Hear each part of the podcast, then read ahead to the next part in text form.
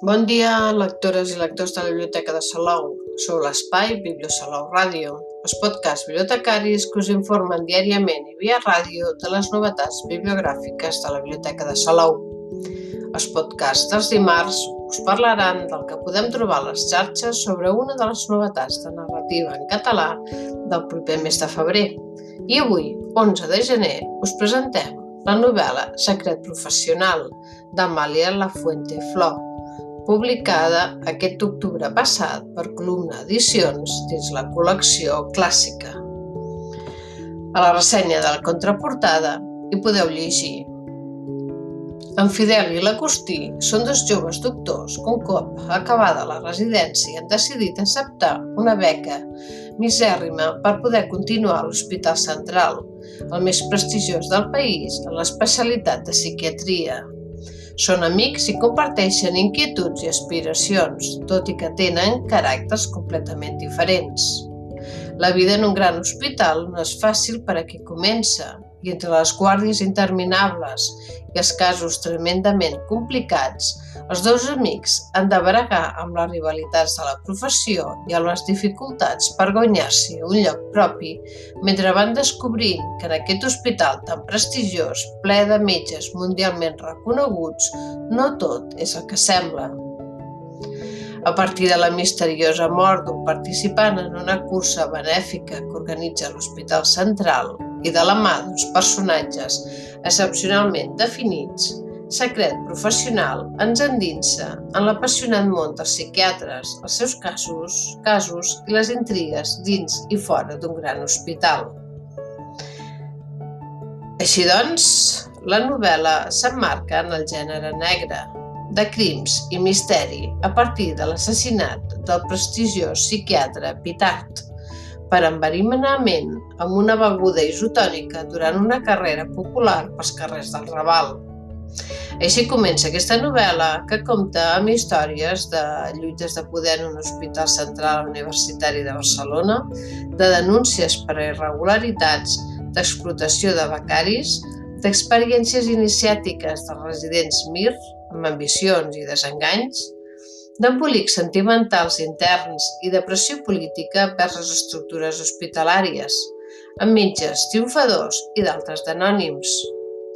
O sigui, tot un món hospitalari que, tot i ser fictici, podria ser ben real. La novel·la se centra en el dia a dia del Departament de Psiquiatria en un gran hospital, amb esquizofrènics, addictes i psicòpates, que l'autora descriu gràcies a la intensa investigació i també a la seva experiència professional, amb la investigació de l'assassinat darrere fons. El personatge central és el doctor Fidel Massot, doctor resident de psiquiatria, de qui descobrirem les contradiccions laborals i ètiques i en què anirem descobrint què passava amb el doctor Pitar, el gran cap de psiquiatria que s'havia forjat molts enemics dins i fora de l'hospital, i així descobrirem també tota una trama relacionada amb la investigació psiquiàtrica, les eleccions municipals de Barcelona i casos de denúncies i corrupció contra l'Hospital Central, on treballa Massot. L'acompanya el seu amic Agustí i la comadrona Isabela i l'altruista Tatiana, personatges tots complexos i minuciosament descrits, amb els quals l'autora denuncia les misèries de la pràctica mèdica per constatar alhora i també la grandesa de la professió.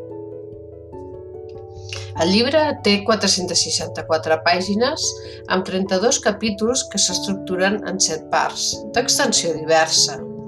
Amb un ritme àgil gràcies als diàlegs, té descripcions minucioses i, per tant, un lèxic tècnic per als profans de la medicina que acaba sent familiar.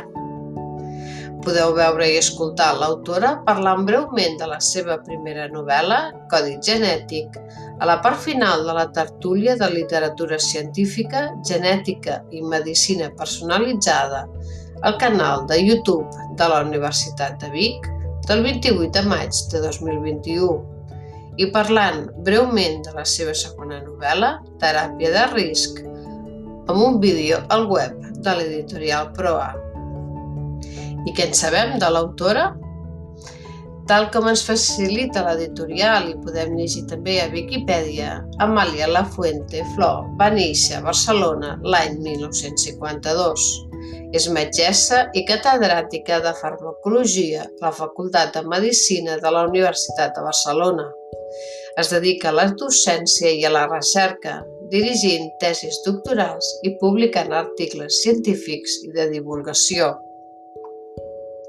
En l'àmbit literari, el 2004 va obtenir el primer premi de guió al certamen de l'Escola d'Escriptura de l'Ateneu Barcelonès, on va seguir cursos de narrativa i l'any 2006 va ser finalista al Premi de Narrativa Breu Districte 5. Així mateix ha estat guardonada amb el 16è Premi Literari Ciutat de Badalona de Narrativa i el 22è Premi Països Catalans Solstici d'Estiu del 2009 per la seva primera novel·la, Codi genètic, que versa sobre una investigació genètica en un laboratori.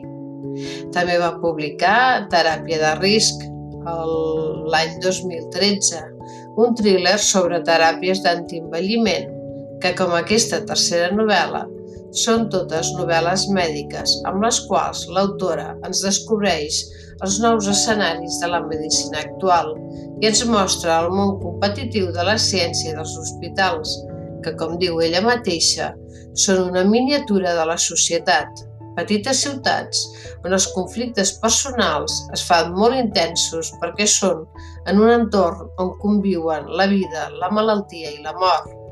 Tot un món que és un gran desconegut per al lector.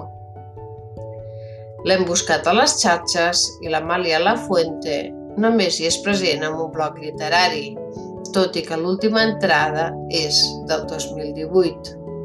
amalialafuente.blogspot.com I fins aquí el podcast d'avui, però tenim més novetats de narrativa en català que anirem descobrint cada dimarts.